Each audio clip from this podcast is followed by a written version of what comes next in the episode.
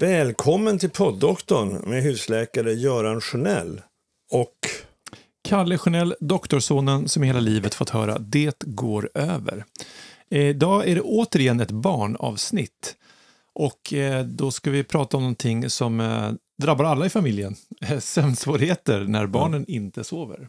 Ja. Anledningen till att vi tar upp ganska många barnfrågor det är alltså att jag har under 36 år haft barnavårdscentraler så ja. att jag liksom har varit ganska aktiv i, i de här frågorna kring barnens sjukdomar etc. Så att det, det, är därför. Nu ska vi prata om ett stort problem för väldigt många föräldrar. Det är barnens sömn. Yes.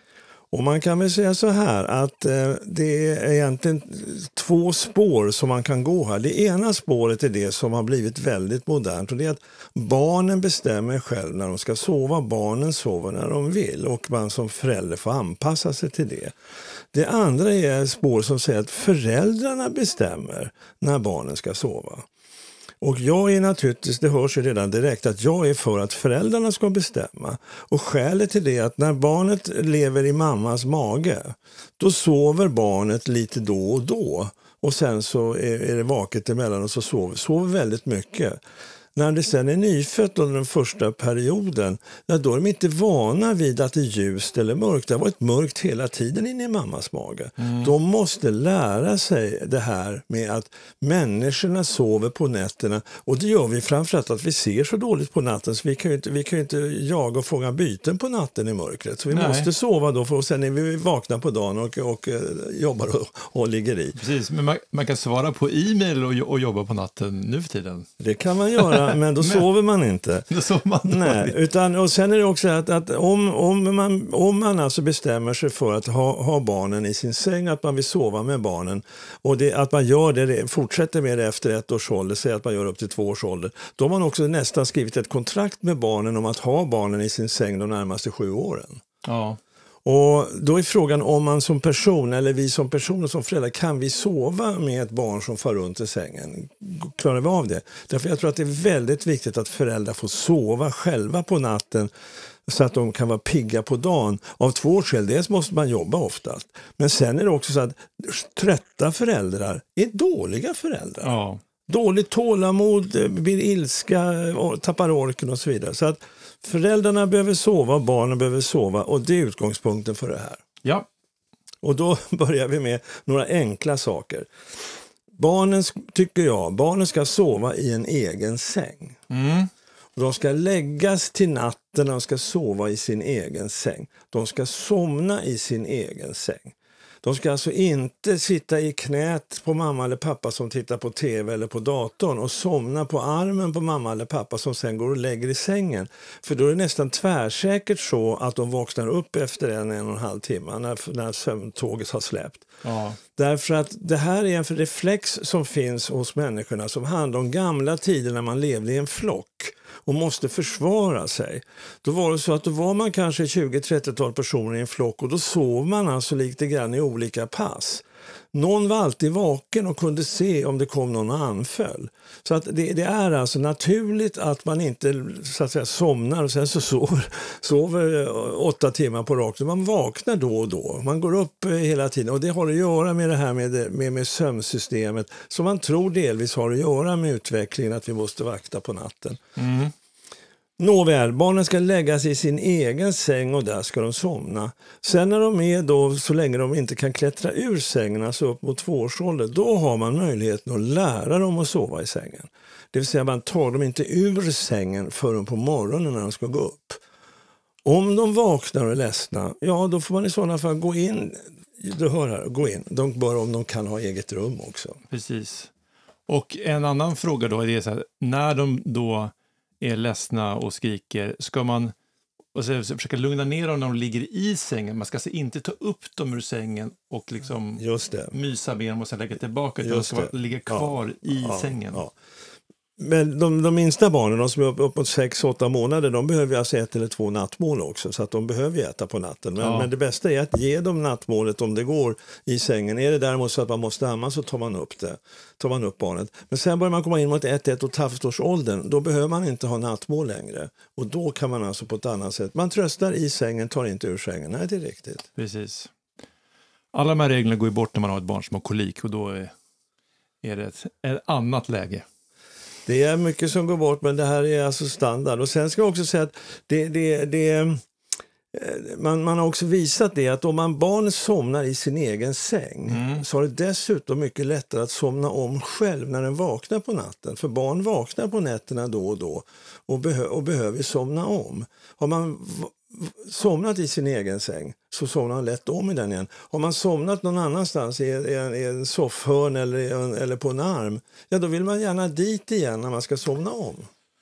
Ah, så när vi försöker vara så här snälla och mysiga och hjälpa dem att somna så gör vi dem kanske en otjänst. Ja, i förhållande till att få en lång, lång natts sömn och att kunna somna om själv utan att eh, det ställer till något trassel. Ja.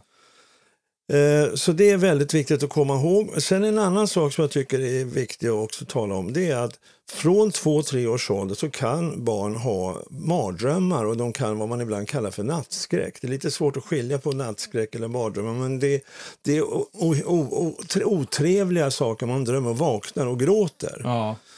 Och då eh, ska man tänka, kan man tänka så här, det finns en lösning på det också som inte behöver innebära att barnet kryper ner i föräldrarnas säng.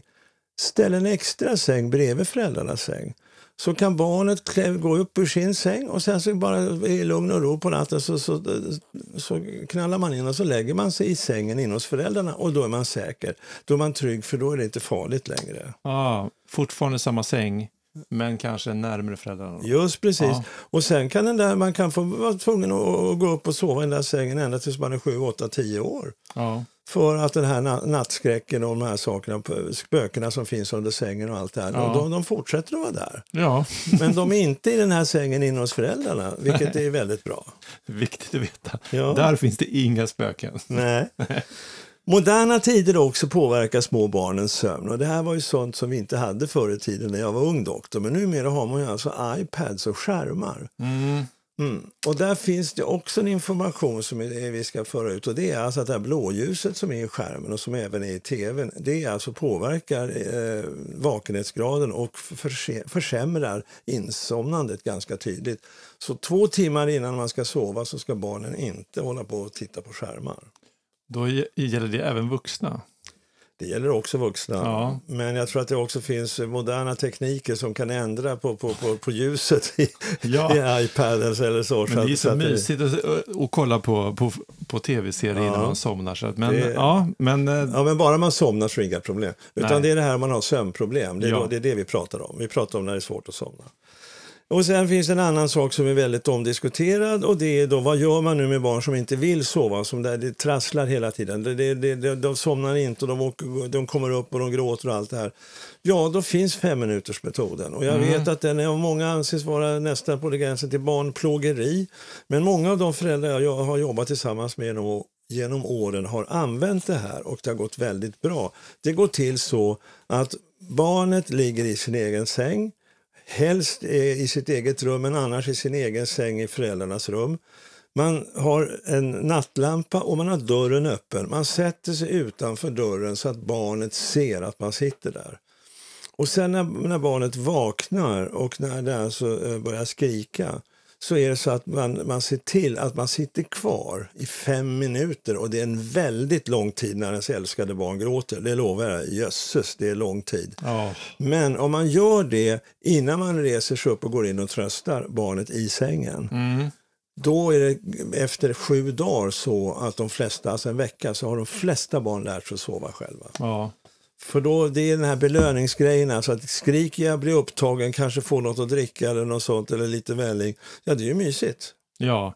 Ja, vi vet ju själv, vi försökte där. Det är, mm, alltså, det är svårt. Vi lyckades inte. Nej, men jag kan i alla fall säga att det finns ett trix och att det, Ja. och att det nästan alltid fungerar. Och eh, återigen då att föräldrar behöver sova. Uttröttade föräldrar, dåliga det- föräldrar. Ja, den är superviktig. Ja, det, det är väsentligt. Och sen eh, kan man också säga så här att, att eh, sömn är ett naturligt behov. Trötta barn sover. Ja, Ja, men eh, det är ett... Det är lätt att säga när barnet inte vill sova. ja det är det verkligen. Ja, vi kanske inte kommer så länge, mycket längre med det här utan det blev ett, en kort information om barnens sömnproblem. Ja, Och eh, vi svarar väl naturligtvis väldigt gärna på frågor om, om det är någon som har, ja, vill utveckla det här vidare. ja, bara skicka in erfarenheter, egna tricks och annat. Mycket intressant att höra. Mm, tack så mycket för idag. Tack, tack. Ja, det tog slut där, men det gör det kanske inte så mycket.